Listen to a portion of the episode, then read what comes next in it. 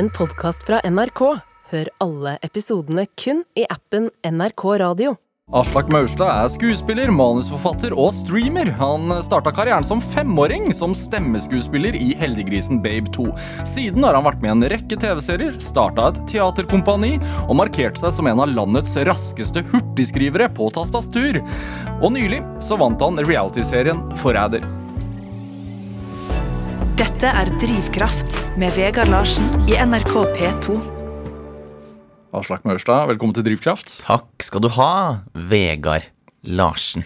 Nå har jeg øvd. Nå har du øvd. det er bra, det er ikke det eneste du har hørt. Du har sittet og dunka deg på brystet også eh, i ja, ti sekunder før Ja. vi gikk på lufta. Jeg hørte at du begynte å varme opp stemmen din, så da tenkte jeg jeg må gjøre det samme. Jeg kan ikke være mindre proff enn han radioverten. Ja. Hva hjelper det med sånn brystdunking? Jeg har eh, gått dramalinje og teaterfag, og da gjør man sånn I stemmeoppvarming så gjør man sånn bzzz, og så slår man seg på brystet. Og det er for- visstnok for å fjerne noe slim fra halsen. Jeg vet ikke om det funker. Det er veldig mye rar stemmeoppvarming der ute. Ja. Men det var noe, da. Få, få i gang adrenalinet. ja, jeg, ikke om- hardt nok. jeg tror ikke det er det de, de flagger med, men det, er sikkert det òg. Jeg føler at jeg skal ut i kamp. Ja, det er det. det, er det. det, er dette, det er, dette er en kamp, Mørstad. Hvordan har du det? Jeg har det bra. Ja. Jeg, har det, jeg, har det, jeg har det veldig fint. Jeg har det bra. Ja. Eh, kjedelig svar, kanskje. Jeg burde hatt noen lidelser eller Eh, nei, men Jeg har jo fått kakao, jeg har fått vann, jeg har, fått, jeg har det varmt.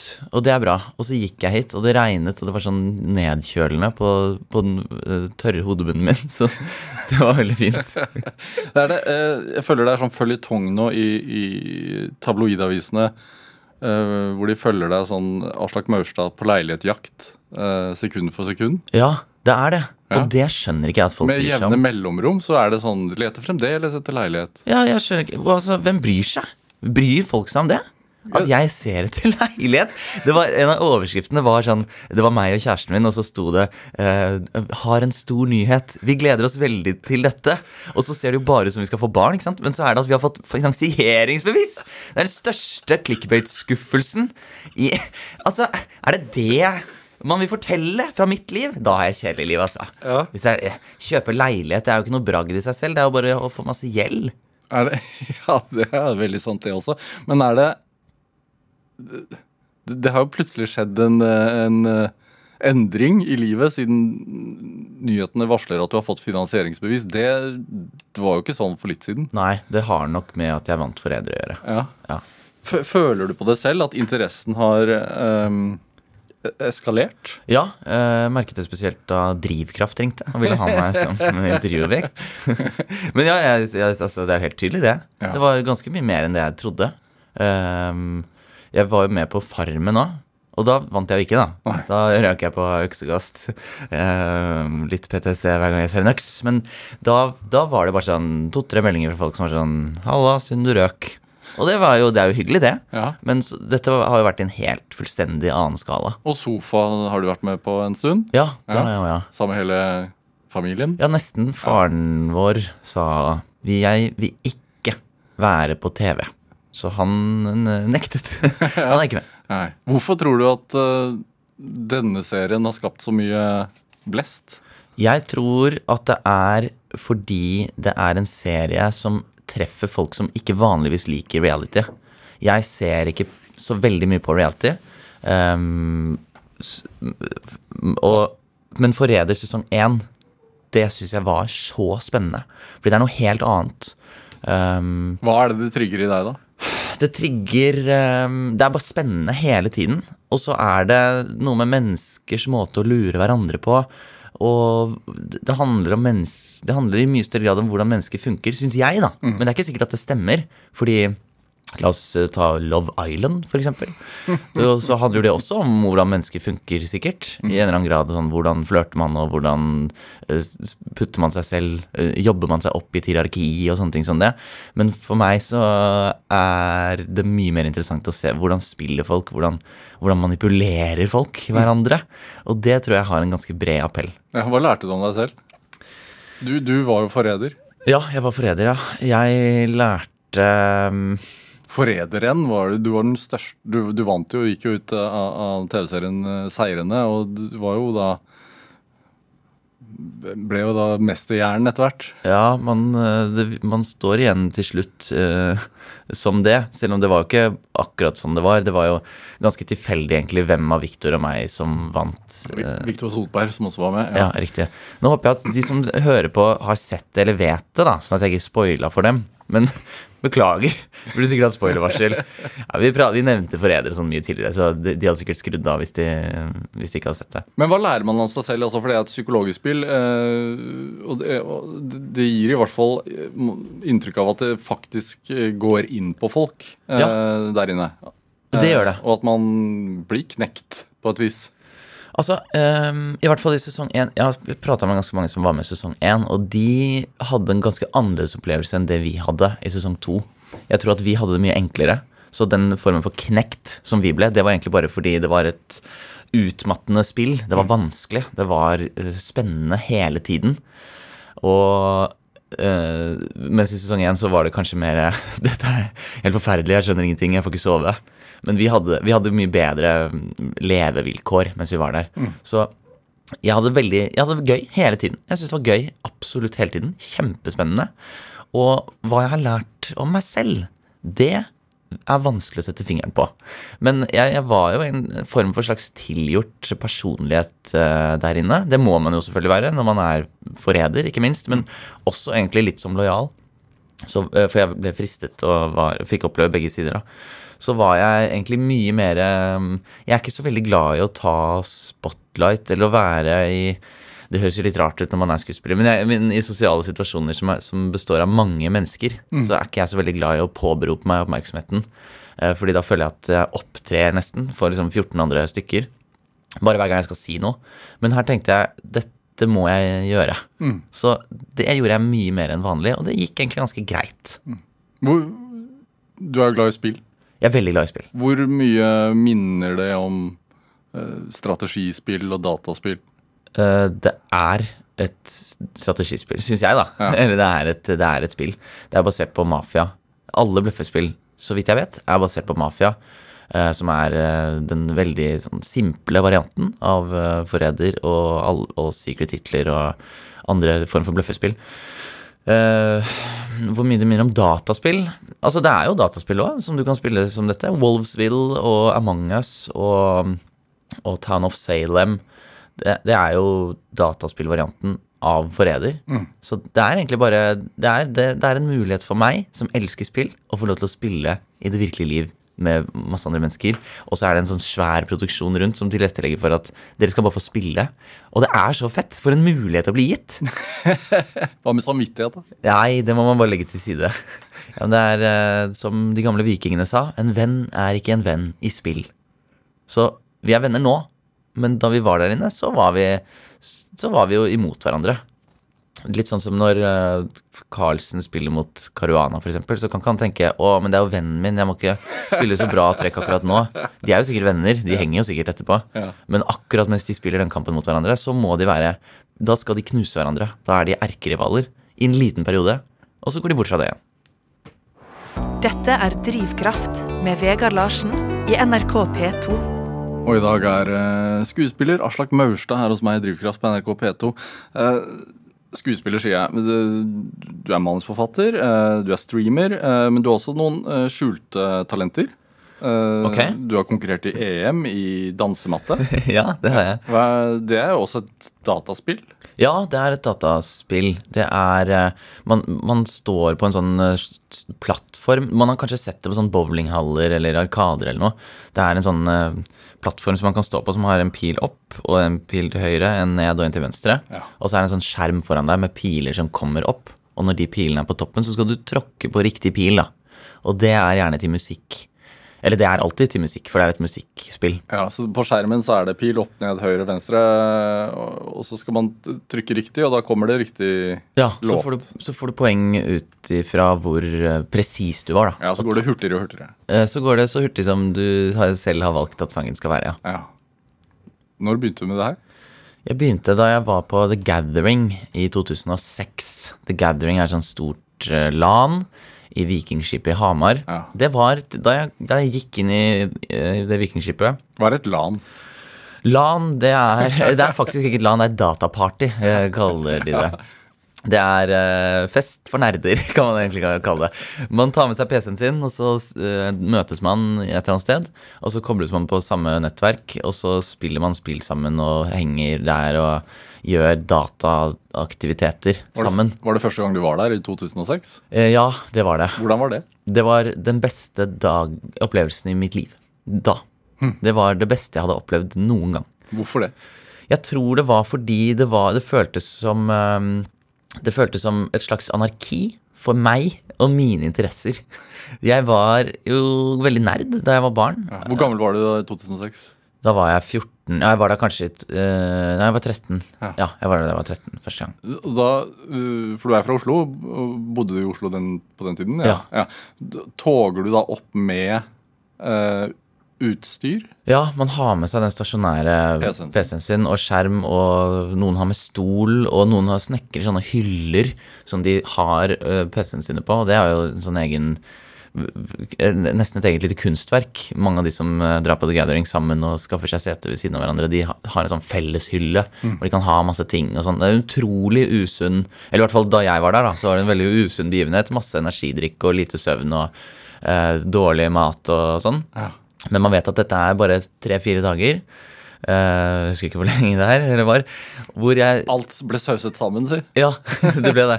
Da, jeg, da var jeg våken i over 70 timer i strekk. Og det har jeg aldri tenkt å prøve å slå igjen. Um, det er en rekord som jeg Jeg vet ikke om jeg skal være stolt av eller ikke. Det var jo helt unødvendig, egentlig. Men jeg hadde det så gøy.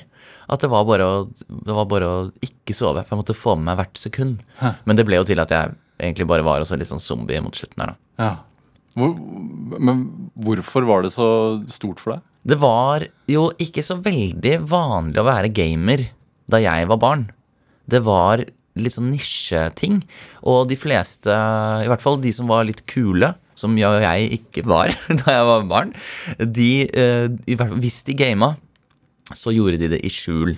Da var det noe de ikke fortalte folk om. Men jeg elsket gaming og, overalt på jord, og gjorde det veldig åpenlyst. Og var egentlig Jeg var ikke helt alene om det, men det var ganske få som drev med det. Nå er jo det en litt kul ting, har jeg inntrykk av. Det er veldig mange barn og unge som gamer. Og voksne. Og voksne, ikke minst. Men uh, da var det da var, da var det litt sånn Det var litt sett ned på. Du var litt sånn Du var sånn skrue, egentlig, hvis du gama. I hvert fall der jeg var fra, da. Ja, hvorfor var det sånn at du ikke følte deg kul? Uh, nei, jeg, var, jeg vet ikke.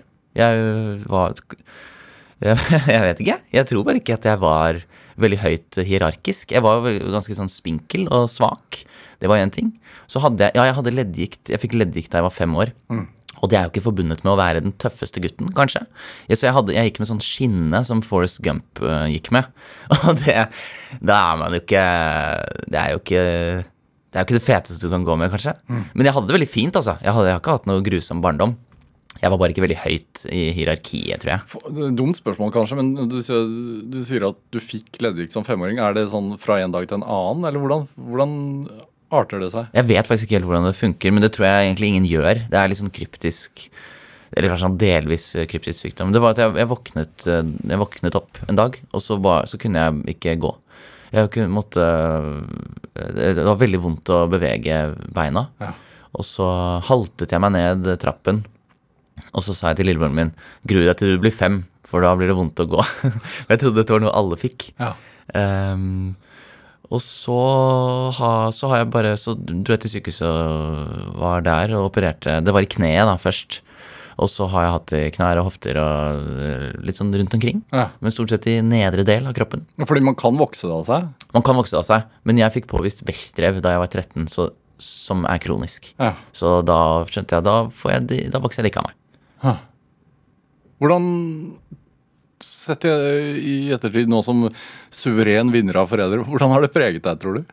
Jeg tror at eh, Jeg tror at det har preget meg på godt og vondt. Altså, jeg tror jo ingen eh, Eller det finnes all slags folk, men jeg tror de aller, aller fleste ikke heier så veldig på barnesykdommer. At det er en sånn ting som man tenker Det har han godt av. ja, ja, men de fleste De fleste, de fleste barn eh, ser man vel for seg at har det best med et friskt liv. Mm. For min del så gjorde det at det var mange ting jeg ikke kunne gjøre. Jeg gikk veldig mye på krykker og satt i rullestol og eh, var stort sett ganske immobil. Og kunne, jeg kunne jo spille fotball i ny og ne, men det var såpass sjelden at jeg kunne aldri gå på noe trening eller liksom drive med det. Men det var jo også litt fint, fordi da som immobil så, har, så hadde jeg et ganske fåtall med hobbyer å velge mellom. Og da var gaming et av dem. Og gaming er jo noe som jeg får veldig mye glede av nå, som voksen.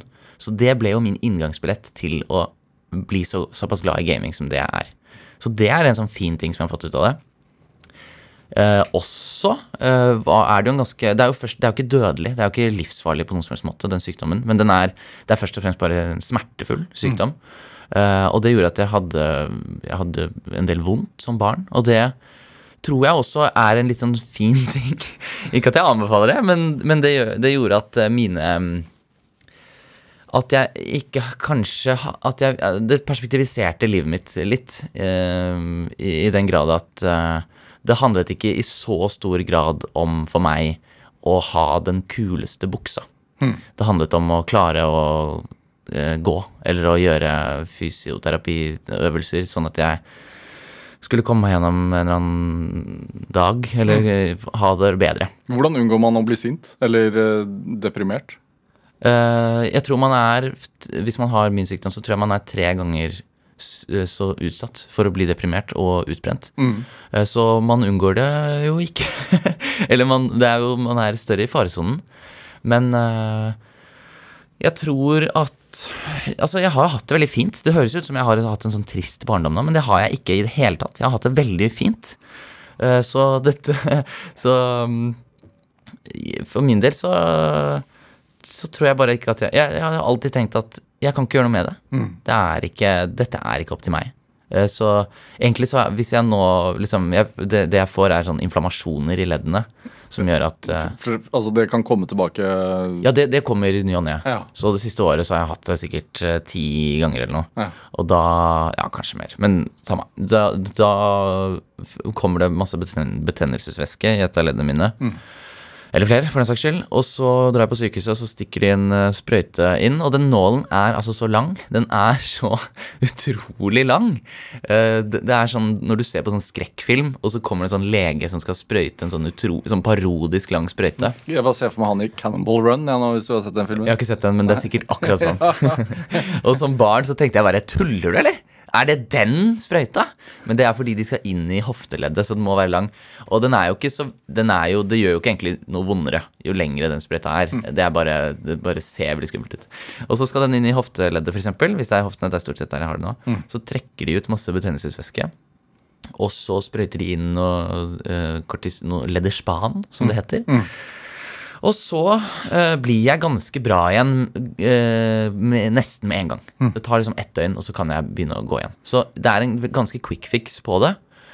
Og jeg lever veldig fint med det. Er det viktig hvordan foreldre uh, oppfører seg rundt deg? Ja, det tror jeg. Hvordan oppførte dine seg? Ehm, de kjørte meg jo alltid til sykehuset, i hvert fall. Det var, og så var de jo mye med da, på sykehuset. Ja. Så, så det var Og så tror jeg også kanskje at uh, En ting som jeg egentlig ikke har opplevd så mye av, men som jeg tror ville vært ganske belastende for meg hvis, hvis det skjedde, det var hvis foreldrene mine hadde syns Hadde liksom eh, eller eh, enten foreldrene mine eller en eller annen verge, eller la oss si jeg hadde en kjæreste eller noe, hadde syntes at det var veldig belastende for dem hver gang jeg fikk en sykdom. Fordi da ville jeg, da, eller hver gang jeg fikk inflammasjon. For da vil det liksom være at jeg uh, står bak deres lidelse, eller deres belastning, av noe som jeg ikke rår over. Men eh, det, har, det har jeg sluppet eh, i det hele tatt. Så, så det du mener med, med den følelsen på Hamar, var at endelig, det er, det er flere som meg? ja, ja, men det var litt det. Fordi det var så få, det var så få gamere. Og der var det bare sånn Jeg har kommet til Jeg har funnet mitt folk. Jeg har funnet Norges nerder. Gamingnerdene. Ja. Og det var helt fantastisk. Fordi de var liksom De var mer nerder enn meg. Og uansett hvor jeg gikk, så satt det folk og bare gama og gama. Og, hold, hold, og det er jo liksom Man tenker at det er litt uh, usosialt å game. I hvert fall hvis man ikke vet noe særlig om det. Men det er jo helt feil. Det er, uh, det er feil. Så hvis, På, på hvilken måte er det sosialt? fordi du spiller nesten alltid med andre mennesker uh, på nett, og det er jo ekte relasjoner. Så det å møte folk, det har absolutt sin verdi, det òg, og det gir sikkert noe helt eget, det òg. Men, men, eh, men det å game med folk, er, det er en sosial arena. Det er, det, for mange så kan det være de introvertes arena. Det er ikke bare de introverte heller, men det er en veldig god møteplass for folk som eh, Egentlig for alle. Hva tenker du, altså Det er mange foreldre der ute som er bekymret for tenåringen sin eh, som Nå sitter, sitter den og gamer igjen. Ja, jeg skjønner veldig godt hvor det kommer fra. Fordi mine foreldre var jo også bekymret. Og nå skal det si at jeg har jo ikke barn. Så jeg er ikke skikket til å gi oppdragelsestips under noen omstendigheter. Men jeg ser for meg at hvis jeg får barn, så skal jeg tvinge dem til å game. Litt sånn som barn tvinges til å gå på ballett og sånn. Jeg skal tvinge mine barn til å game. Men har du da en sånn uh, liste de må gjennom? Du må begynne her. Jeg vil i hvert fall at de skal spille Super Mario Brothers 3. Men eh, Og så må de spille Undertale, da. Men eh, Nei, jeg tipper at når jeg får barn, så, har, så er det kommet noen helt nye spill som er mye kulere enn de spillene som jeg spiller nå. Men hvorfor tvinge de? Um, fordi La de game før fotballen tar de? jeg, jeg ja, det er litt det. Jeg håper de ikke blir fotballspillere, men gamer i stedet. Men du- Nei, jeg, skal, jeg skal ikke tvinge dem, altså. Det var, jeg, jeg, håper at, jeg håper bare at de kommer til å synes at gaming er en eh, fin hobby. Ja. Eh, du er jo streamer, Ja. eh, og så har du jo en podkast om streaming Mm. og gaming. Ikke om gaming, den handler bare om streaming. Ja, Hva er streaming? Streaming er Det er faktisk Det er et litt godt spørsmål, og man kan definere det på ganske mange måter, men det er litt som å ha sin egen TV-kanal. Så det er en nettside som heter Twitch, der jeg streamer. Man kan også streame på YouTube og sikkert noen andre nettsider også, som er konkurrenter, som jeg ikke vet så mye om. Live, altså Der spiller du direkte på, på Ja, det var det som var utgangspunktet, var at man skal sitte og spille spill på den nettsiden, og så skal folk se på deg spille spillet. Ja. Um, men nå er det egentlig blitt litt bredere, så nå kan du eh, bare sitte og prate med seerne dine, hvis du har lyst til det. Og, eller gjør, streame at du fisker, eller streame egentlig at Det er en veldig stor norsk streamer som bare streamer at han Eller som stort sett streamer at han trener. Han er bodybuilder. Og det er en plattform der du kan Du kan lage ditt eget innhold. Du er alt. Du er hele redaksjonen. Du er redaktør, du er innholdsskaper, du er produsent, du er programleder. Det er deg. Det er, du bare gjør hva enn du vil. Det er litt som å finne opp TV-en på nytt. Ja, Og så er det direkte. Og så er det direkte, og så er det en chat. Så alle som ser på, kan skrive inn til deg når som helst, og, du, og det kommer med en gang. Så det er ikke noe delay. Eller det er kanskje sånn ett-to sekunder delay, bare fordi nettet er der. Eh, Men øh, det er, det er ekstremt lav delay, da. Det er litt sånn som tilbake til eh, ja, slutten av 90-tallet, hvor eh, TV-kanalene sendte eh, sånn musikkvideoprogram hvor folk satt og sendte inn på mobilen. Ja, Mest TV. Mest TV Ja, og sånn. de greiene der. Det er, det er litt sånn som det, ja. Ja. Hva er gleden med det? Gleden er at man eh, blir veldig godt kjent med eh, seeren, og seeren blir veldig godt kjent med programlederen. Så det er i hvert fall, så vidt jeg vet, eh, og så vidt jeg kom på nå, det mediet der, man, der båndet mellom sender og mottaker er tettest, med mindre det er la oss si, live, da. Med mindre det er eh, du drar på standup-show, og du blir snakket til av standup-personen. Det er liksom det nærmeste man kommer det over nett. Og så er det så er det live, så det, er, eh, så det har den live-nerven i hvert fall i seg. Sånn som, sånn som dette jo også er. Ja. Med mindre du hører det på podcast-appen. Skulle du ønske at vi hadde en chat her nå? Ja, jeg skulle egentlig alltid ønske at man hadde en chat. Eh, Så når jeg ser teaterstykker og sånn, så tenker jeg hvor er chatten? Jeg har lyst til å skrive i chatten med de andre som ser på. Så jeg har blitt litt sånn skadet av det. Jeg elsker chat. Jeg syns det er en fantastisk greie. Så du hvis Nationaltheatret eh, en gang blir renovert, så bør de få inn en sånn chat-funksjon. Så bør de få chat på høyresiden, ja. På Ja. høyresiden av scenen, og så kan alle få et lite tastatur. Så kan alle kommentere og skrive, skrive noe til det som skjer. Det har vært veldig, veldig stilig.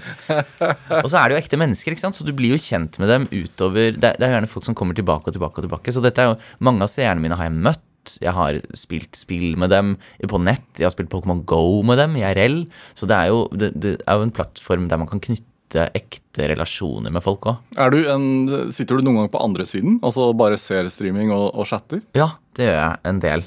Um, når jeg ikke streamer selv, så er jeg ofte innom uh, andre streamere sine kanaler. Både for å se og lære, men også for å prate med dem. Fordi det er, det er, en, det er en egentlig ganske fin sosial arena. Ser, hvem ser du på da? Jeg ser ofte på MCA. Uh, hun er liksom dronningen av norsk Twitch, uh, kalles hun. Uh, det var E- Emilie fra Forræder. Ja. Vi, vi kjenner hverandre fordi uh, hun lærte Vi har faktisk gått i barnehage sammen nå, men det hadde jeg glemt. Men vi har kjent hverandre i mange år. Det var hun som lærte meg å streame. Hun uh, har streamet i mange, mange år, er en av de beste i Norge, og Hva, hva vil si at hun er en av de beste? det vil si at hun bare Hun er veldig god. Hun kan veldig mange ting om streaming. Hun vet Hun er god til å eh, Til å svare chatten. Hun er god til å lage en sånn god stemning i kanalen sin. Hun er god til å få seerne til å føle seg inkludert. God til å lage innhold. Og eh, god til å sette opp streamen på en måte som gjør at den ser fin ut. Det er liksom veldig mange aspekter. Dette er jo dette er jo innholdsskaping, så det er jo, man kan legge så mye i det som man selv vil. Det er jo et bunnløst hull. Hvor Kan man leve av det i Norge? Ja, du kan leve av det i Norge. Du kan ikke leve veldig av det i Norge. Eh, men du kan leve godt av det hvis du streamer internasjonalt, altså hvis du streamer på engelsk. Ja. Men norsk streaming er fortsatt ganske lite. Men det er veldig, veldig stort i andre land. Ja, Hvem er den største Jeg tror Altså i Norge eller i verden? i verden? Det veksler litt på. Det har vært Ludwig og XQC, og så har vi Asmongold der oppe. Ja, Hva snakker vi da? Av seere? Da snakker vi sånn Altså, det, det måles på en litt rar måte, for det måles i hvor mange seere man har innom samtidig. Ja. Så gjennomsnittantall seere. Så det måles ikke totale visninger. Det måles i hvor mange er gjennomsnittlig innom og ser dette samtidig live. Um, og da er det de største ligger på ah, Hva ligger det på? 100, 150 000, kanskje? Ja. Og det er jo Det høres jo ut som det er rookie numbers, men folk som lever av det i Norge, trenger ikke å ha mer enn ja, Hvis du har over 100 gjennomsnittlige seere, da, så kan, du, så kan du i teorien leve av det. Interessant. Aslak Maurstad skal spille litt musikk. Vi skal spille en uh, dataspillsang. Ja, Uh, Once Upon a Time av, av Toby Fox, som, som er musikken til et uh, etter hvert ganske kjent dataspill. ja, dette er mitt favorittspill. Ja, Hva er det for noe? Det er Undertale. Det er et uh, veldig originalt spill. Det er visstnok basert på ehm, ikke Earthworm Gym, men Earthbound. Som jeg ikke har spilt, men som jeg skjønner at jeg også må spille. Det, det, det er så bra på alle måter, dette spillet. Det ser veldig stygt ut. Det er det eneste. Så hvis du er utrolig opptatt av grafikk, så kommer det til å skremme deg. Men innholdsmessig så er det så fantastisk. Hvorfor er det bra? Fordi det stiller spørsmålstegn Eller det setter å, Hvordan er det uttrykket igjen? Stiller spørsmål ved, tror jeg det er. Eller setter spørsmålstegn til noe sånt noe. Um, nå kommer jeg til å få masse sinte meldinger om hvordan det egentlig skal eh, uttales. Eh, hva et spill er, og hva er en spiller. Og, hva- øh, fordi hvis du spiller gjennom spillet én gang, og så spiller du gjennom det på nytt, så husker spillet hvordan du spilte det første gang.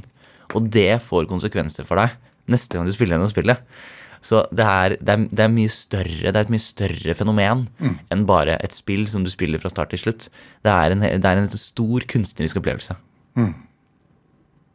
Og det er også et spill som har levd et voldsomt liv etter at det kom. Altså, jeg har sett en uh, YouTube-film om dette spillet, hvor en, en person har laget en timeslang uh, film om hvor, hvordan det har levd etter at det kom ut. Fordi det er jo et indie-spill, det er et lite spill, det er laget av én person.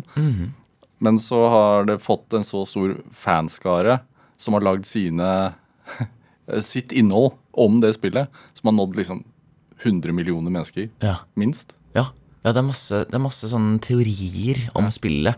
Fordi det er så mystisk, og så er det så mange ting som er gjemt. Og det er, det er mange måter å spille det på.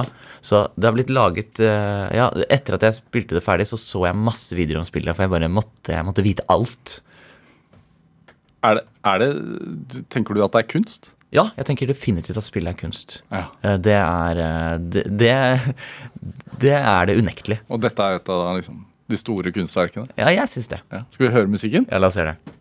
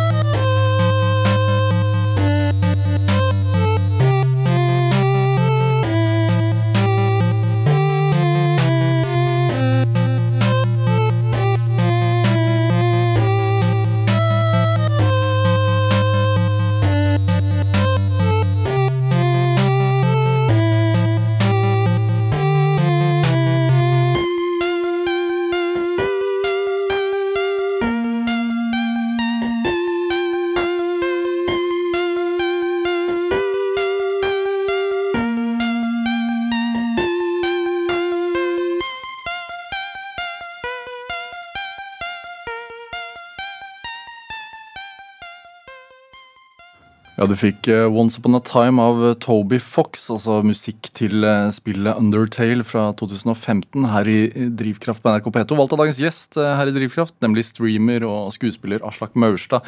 Du er jo fra et kultivert hjem. Ja, det er i hvert fall kunstnerisk hjem. Er det det, er det, det samme? Kultivert? Ja, Kunstnerisk hjem, kan man også si. Moren din skuespiller. Ja. eh, Mari Mørstad, Faren din eh, musiker eh, Åge Kvalbein. Mm. Eh, hvordan vil du beskrive barndomshjemmet ditt? Uh, det er et kråkeslott. Det er det nærmeste jeg Hva vil det si? Det, det vil si at det er ganske sånn det, dette, er, dette er sånn bestevennen min beskriver det, og alltid har beskrevet det. Det er et kråkeslott. Og det er, det er Selv når jeg går, drar hjem nå, så legger jeg merke til en eller annen ny ting som jeg aldri har sett før. Som alltid har vært der fra da jeg var barn. Som kan være for eksempel Som kan være f.eks. en eller annen eh, solstatue som står over kjøkkenviften, eller noe sånt. Det er så mange rare ting, Ja. og det er fordi min mor har samlemani, syns jeg, da. Hun har sikkert ikke det. Men det er, veldig mange, det er veldig mange ting i dette hjemmet. Det er veldig mange ja, dusteting, kan man kanskje kalle det. Ting jeg, som jeg aldri ville spart på selv. Hva med din fars saker? Får de plass? Ja, de får også plass. Det er sånn cello-ting og Han bryr seg jo bare om cello, han. Cello og jogging. Og han har masse medaljer, for han har deltatt i masse maraton rundt omkring. Ja. Um, så jeg, jeg tror de er veldig redde for å kaste ting. Jeg syns at de skulle melde seg på det programmet der hvor Ryddehjelpen? Ja, det er det der. Ja. Der hvor de legger alle tingene fra et hjem inn i en sånn stor hall, så man kan se hvor mye det er. Jeg tror Ryddehjelpen til og med hadde vært sånn Dette blir for mye for oss. Ja. Vi kan ikke. Er, er du en samler? Nei, jeg har blitt det motsatte som følge av det, uh, tror jeg. Jeg vil helst eh, at eh, ting skal være så lite Jeg vil helst ikke forholde meg til så mange ting i det hele tatt. Jeg vil ikke ha noe særlige greier. Jeg bor på 18 kvadratmeter og lette spesifikt etter noe lite. Fordi jeg vil ikke ha ting. Jeg har først og fremst Jeg har mitt liv. Jeg har mitt digitale liv. Jeg har uh, en stor verden inni PC-en min og internett. Og det høres veldig trist ut, men jeg har det veldig fint sånn. Ja. Har du sett Her? Nei. Nei, ikke sett det. Men det, du sier at det er et kunstnerhjem. Hva vil det si? Det vil vel egentlig bare si at begge foreldrene mine er kunstnere, Ja. og sikkert at det har eh, At det har preget meg på ja, antagelig uante måter. Ja. Men uh, det har jo vært eh, mye fokus på det å skape egen underholdning, og det er det kanskje i andres hjem òg. Jeg vet jo ikke hva hva som er en vanlig barndom, for jeg har bare min å referere til. Så for meg er det det som er en vanlig barndom. Men for andre er det garantert noe helt annet. Hva var altså Nationaltheatret for, eksempel, for dere? Det var Nei, Hva var det, da? Det var arbeidsplassen til Amor Ja. som vi var på en gang i ny og ne for å se noen greier. Ja, onkelen din. Eh, Ja, Ja. ja. Så, øh, og se andre folk, og stort sett ting som jeg ikke skjønte noe av. Jeg, jeg, jeg syns jo jeg, var, jeg ble jo ikke så veldig fengslet av mye teater. Jeg syns det var mye gammelt. Mye gammeldags. I hvert fall som barn, og egentlig også som voksen. Så syns jeg det settes opp veldig mye ting fra tusentallet og sånn. Altså tusen år gamle ting. Ja. Og så sier folk som ser det Men det er så fantastisk at det er en, enda mer relevant enn det det er i dag. Nei, det er jo egentlig ikke det, for det handler om vikinger som slakter hverandre ned. Det er eh, Ok, kanskje noe av tematikken er overførbar, men lag noe nytt.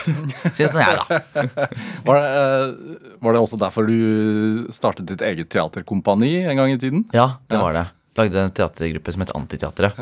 Som eh, handlet litt om det, da. At vi var en gjeng som gikk på Romerike sammen. Som uh, Som er en teaterhøgskole. Ja, folkehøgskole. Ja. folkehøyskole med uh, gikk teaterlinje der, da. Så du var ikke så veldig kreativ? Eh, hva da? Jeg var ikke det? Ja. Nei, jeg valgte å gå teaterveien, ja. Jeg tok ikke noen superspenstive valg der. Og der satte vi opp eh, noe som vi kalte for performance-teater. Så i tillegg til de stykkene vi satte opp på skolen, så, så kunne man ha valgfag, og da valgte vi å ha performance-teater som valgfag. Og performance-teater er egentlig veldig vagt, så det vi, det vi tenkte at det var, var egentlig bare å leke mellom, i hovedsakelig leke mellom skille, eh, skille mellom scene og sal. Så at publikum sitter i salen, for eksempel, og så leker man rundt. Vi satte opp en forestilling midt i skogen eh, med lommelykter som lyskastere, og gikk rundt og sånn. Og så syntes vi det var såpass gøy at vi tenkte la oss lage et eh, teater som eh, en teatergruppe som setter opp forestillinger. Egentlig tagline var teater for folk, for, teater for folk som ikke liker teater. Det var det vi skulle lage. Teater som vi selv syntes var kult. Og det, eh, Noen av forestillingene syns jeg vi fikk til det ganske godt. Mm. Antiteatret lever jo fortsatt eh, i sin beste velgående. Nå er ikke jeg med å drifte det lenger.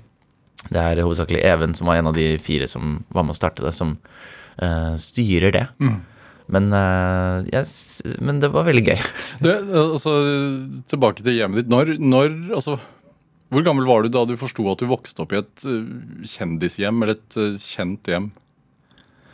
Jeg vet egentlig ikke helt, jeg. Det har jeg ikke tenkt så mye på. Uh, Hvor ofte var Se og Hør hos dere? De var hos oss en del. De var jo ofte med på utenlandsturene våre. Så hvis vi skulle til Nederland eller noe, for eksempel, på sommerferie, så var det mor og far, meg og mine brødre, fotograf og journalist fra Se og Hør eller Her og Nå eller et eller annet sted.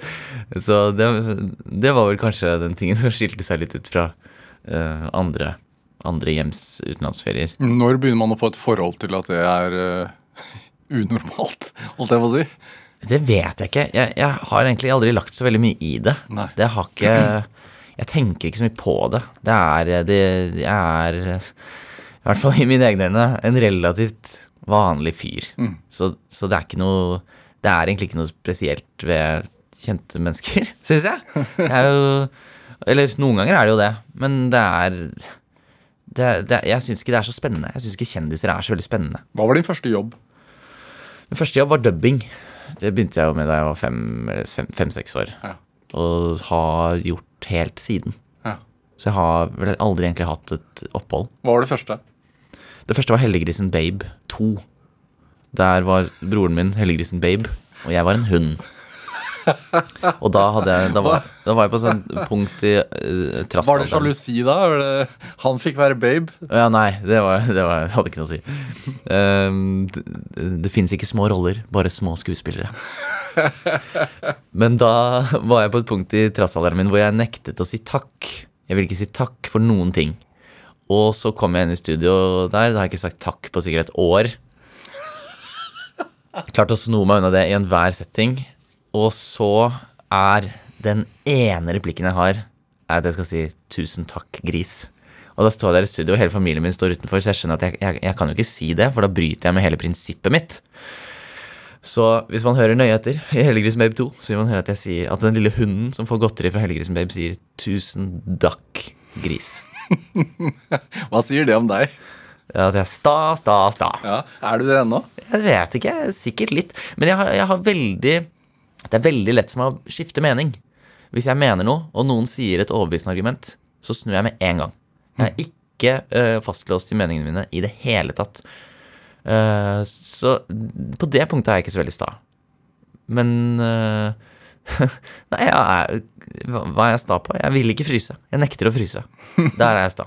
Det gidder jeg ikke. Jeg har sett, uh, sett familien deres i TV-serien Sofa, hvor dere også er med. Ja. Uh, og, og så moren din og, og deg, og dine to brødre. Uh, det virker som om dere brødrene har et veldig sånn godt forhold. Ok. Ja. Hva er hemmeligheten bak det? Ja, så Hemmeligheten er jo filmmagi. Jeg tror ikke vi har noe særlig bedre forhold enn andre søsken har. Nei. Men det er bare at uh, når man filmes, og når man er på TV Reality er jo Dette er sikkert en upopulær mening, men jeg mener at reality er en fiksjonssjanger. Når man ser på reality, så ser man et, på et fiksjonsprodukt. Og det er jo sikkert litt eh, kontroversielt å mene, men det er jo fordi det klippes såpass mye at jeg mener at det gjengir ikke virkeligheten nok til at det kan kalles eh, dokumentarisk. Eller hva de nå påstår å være. Så det er sikkert derfor, da. Vi er godt klippa. og så vet vi at det er kameraer til stede, så vi banker ikke opp hverandre sånn som vi gjorde da vi var små. Men hva er vu- vu- vurderingen bak å være med på noe sånt? Som familie? Ja, hva er det, da? Jeg tror øh, Jeg tror ikke egentlig vi har tenkt det så nøye igjennom.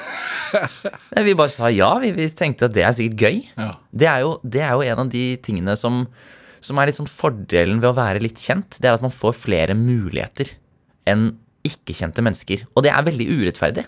Jeg får mulighet til å være med på Forræder. Hvis jeg ikke var kjent i det hele tatt, Jeg var ikke spesielt kjent før jeg var med på Forræder uansett. Men, øh, men nok til å i hvert fall bli invitert til å være med. Så hadde jeg blitt veldig misunnelig. Jeg hadde jo hatt kjempelyst til å være med på det, selv om jeg eh, Uansett hvem jeg var. Så, så det er litt urettferdig. og man får egentlig man får rett og slett flere muligheter. Og, vi så, og, og det ser jeg på som en fordel. da En veldig urettferdig fordel Men som er, jeg har. er du et ja-menneske? Ja, stort sett. Ja. Uh, jeg så Yes Man-filmen, og da tenkte jeg jeg skal bli sånn. Du vet, sånn Når man går ut og har sett Spiderman og test, må bare teste om man kan skyte spindelvev selv eh, Da jeg var yngre, i hvert fall, så, var jeg, så ble jeg veldig påvirket av hovedrollen i filmer. Og var sånn, Jeg er den personen nå. Herfra og ut livet. Eh, Dr. House òg, sånn, jeg, skal være sånn. Han er egentlig ganske usympatisk.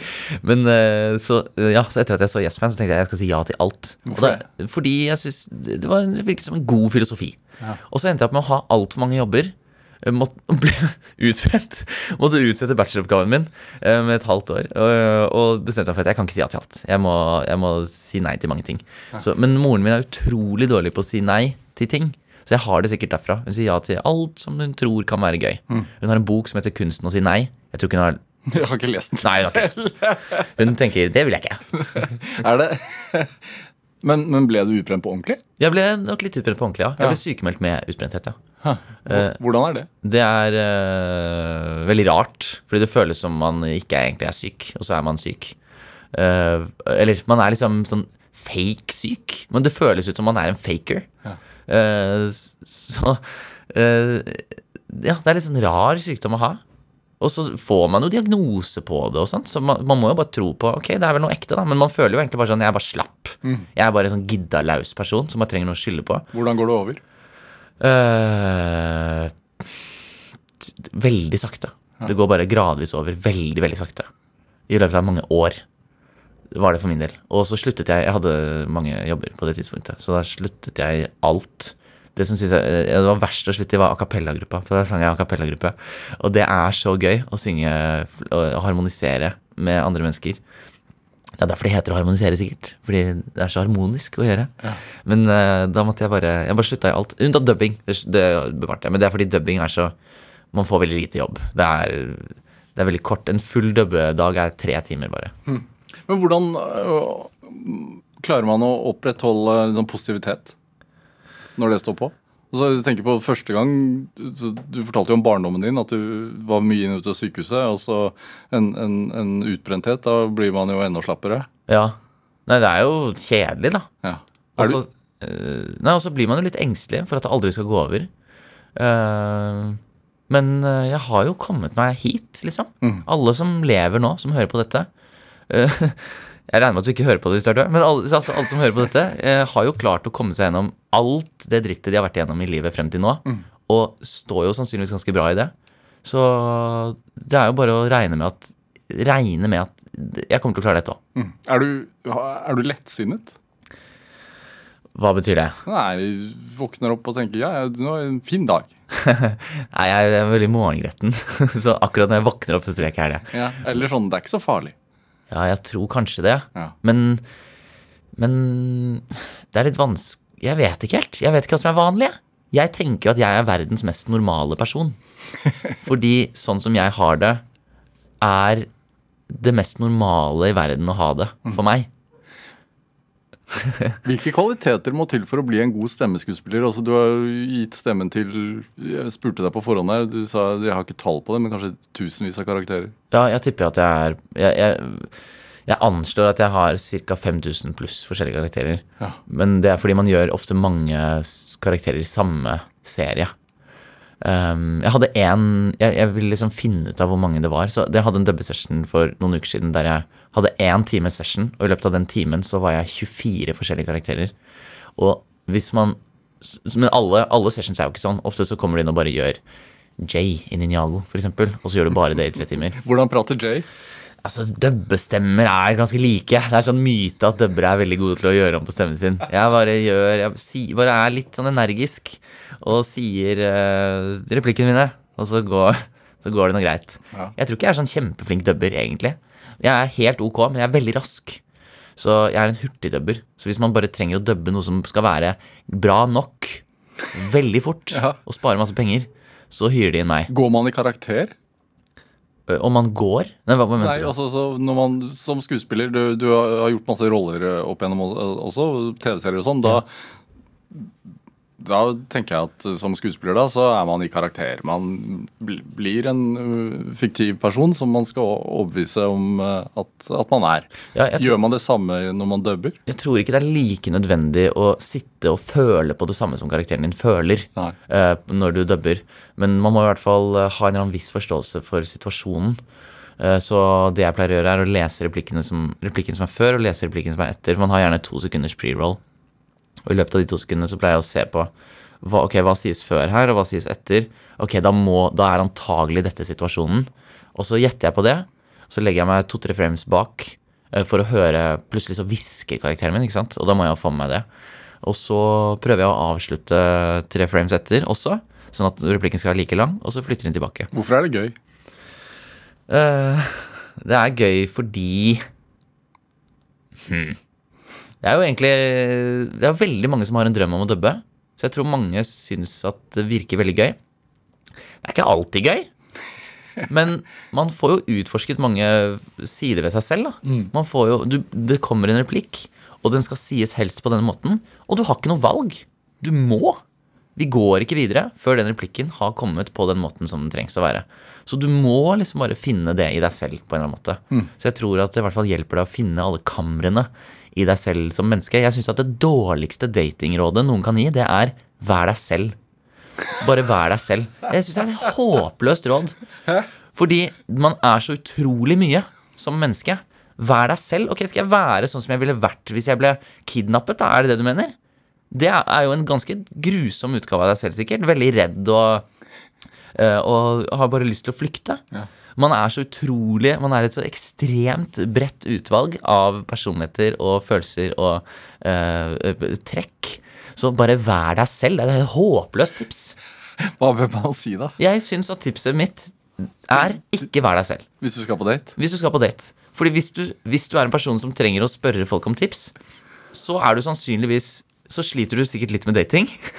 Og da er det jo Da vil jeg foreslå prøv å ikke være deg selv. Ja. Fordi det har ikke funka til nå, antagelig. Du må Det er veldig kontroversielt. Jeg skjønner at mange kommer til å mislike dette tipset. Men, ehm, men eh, prøv noe nytt. Prøv å være noe annet. Ja, Hvor lenge da? Det Sakte, men sikkert så, så vil det jo gå opp for den andre personen at Ja, men det kan jo hende at din oppfatning av hva du er, Ja. er begrenset. Ja. At hvis du prøver å være noe annet, så viser det seg at å ja, nei, men jeg er tydeligvis dette òg. Fordi du er jo mye mer enn det du tror. Hvem, Hvilken rolle var du da på din første date med, med det som skal bli samboeren din? Eh, det, jeg var ehm, Jeg var ikke meg selv. Jeg tenkte jeg må være en tilgjort versjon av meg selv. Og det var jeg. Og det funker. Så uh, tested and proven. Eh, jeg var en mer ekstrovert variant av meg selv. For jeg visste at hun likte folk som prater mye. Så jeg tenkte ok, nå må jeg hente frem det i meg selv. Nå må jeg hente frem den versjonen av Aslak som liker. Som snakker mye. Fordi det er jo også settingbasert. ikke sant? Hvis jeg er med folk som liker å snakke veldig mye selv, så sier jeg nesten ikke en dritt. Hvis jeg er streamer, for eksempel, så er jeg den eneste som kan snakke. Så da må jeg snakke hele tiden.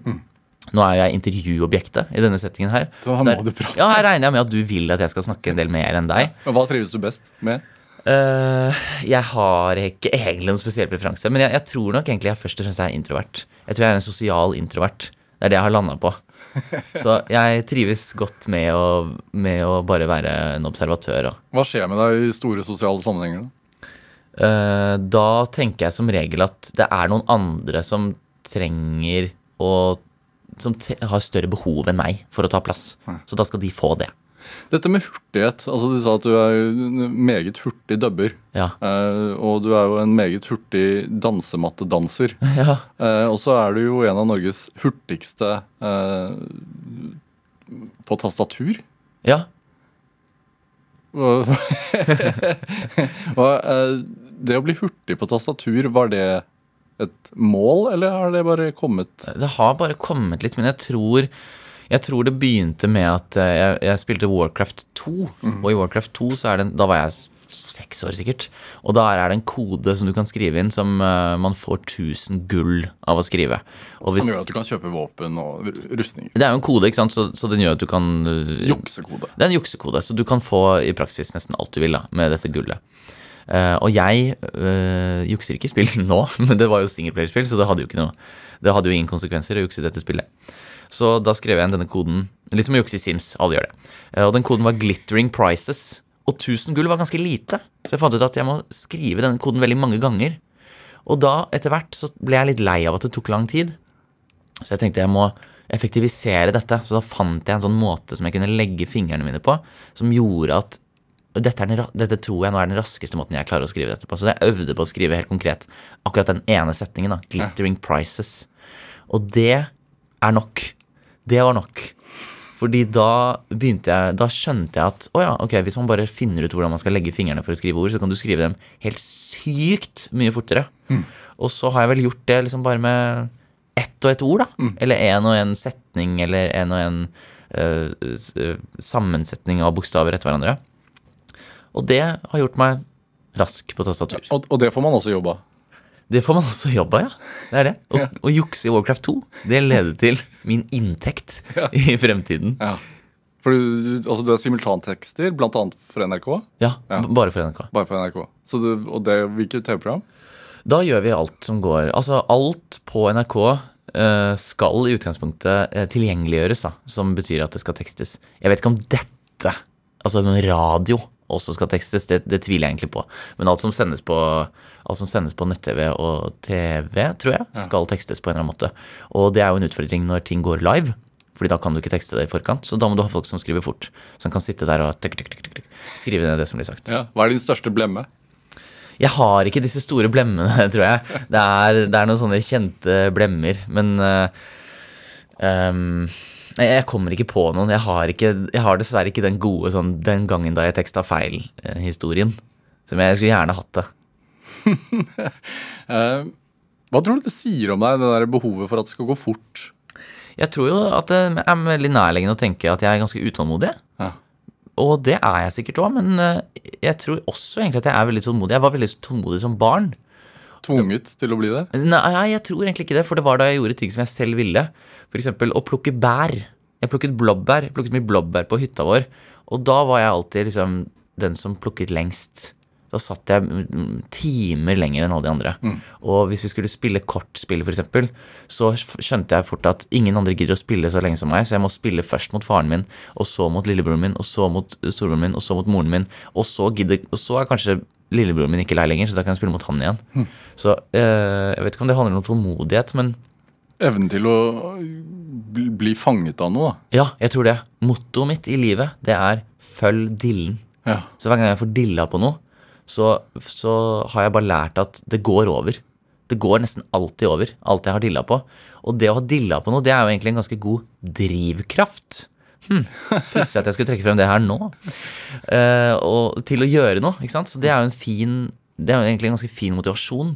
Så hver gang jeg har dilla på noe, så tenker jeg bare ja, nå skal jeg la dette lede meg. Nå skal jeg ha det gøy med dette, så lenge jeg har dilla på noe. Hva er du, har du dilla på nå, da? Ja, hva har jeg dilla på nå? Nå har jeg dilla på Jeg har ikke sånn utpreget dille, men ja, det, jeg kanskje har mest dilla på nå, det er eh, Hearthstone Battlegrounds, som er et spill. Hva, hvordan, hva, skjer da når du har det? Altså, Er det da med deg hele døgnet? Ja, da er det det jeg har lyst til å bruke all fritiden min på. Ja. Uh, og da handler det om å bli bedre, som regel. Da handler det om å se videoer på YouTube. Sånn hvordan, hvordan har folk regnet seg frem til at dette er best? Ja. Og så liker jeg å se på folk som bare enten er gode, eller som er veldig morsomme eller noe, når de gjør det. Uh, og det handler ikke nødvendigvis om at jeg skal bli best. Eller det handler veldig sjelden om at jeg skal bli best. Det handler om at jeg skal bli bedre, men ha det gøy på veien. Det er mye viktigere for meg Mm. Men det, noe. men det fører jo ikke til noe. Det er jo ikke noe Dette her er jo Altså, det fø- jeg er jo litt uenig i det. da. Jeg syns at man får veldig mye eh, relevante egenskaper ut av gaming. Hvis man er raid-leader i World of Warcraft, eksempel, så får man, eh, så får man helt konkret, relevant lederskapserfaring eh, som er genuin, og den er Jeg vil påstå at den er absolutt overførbar til arbeidslivet. Ja. Du får koordineringsevner, eh, du får kommunikasjonsevner. Og i Hardstone Battlegrounds, ja, hva får du da? Du får kanskje noe Du får i hvert fall statistikk og sannsynlighetsberegning hjelper det deg mye med. Som du kan bruke i andre aspekter av livet. da. Aslak Maurstad, hva er drivkraften? Bortsett fra diller. Jeg tror Jeg har jo tenkt mye på det siden jeg skal hit. Og jeg syns det er ganske vanskelig. Jeg tror jo at man har mange drivkrafter, og ikke bare én. Men jeg tror at min primærdrivkraft er at jeg vil gjøre andre mennesker glad på en eller annen måte. Det er det jeg får mest glede av. Og min måte å gjøre det på, i hvert fall gjennom barndommen, fant jeg ut at var gjennom å underholde dem. Så det er liksom måten jeg enklest kan gjøre andre mennesker glad. Det er å få dem til å le, eller få dem til å øh, bli, være underholdt på en eller annen måte. Eh, så, så det er vel det jeg har fulgt, da. Og prøver å fortsette å gjøre. Jeg lykkes langt ifra alltid. Men eh, noen ganger så, så syns folk at jeg er litt artig. Og da tenker jeg det var bra. Du lykkes denne timen, Aslak Mørstad. Tusen takk for at du kom hit til Drivkraft. Er du ferdig nå? Jeg er ferdig. Dæsken, det gikk fort. Hør flere samtaler i Drivkraft på nrk.no eller i appen NRK Radio. Produsent i dag det var Kjartan Aarsand, mens eh, Olav Tessem Widsvang gjorde research til denne sendingen. Men dette, dette var Drivkraft. Jeg heter Vega Larsen. Vi høres. Du har hørt en podkast fra NRK. Hør alle episodene kun i appen NRK Radio.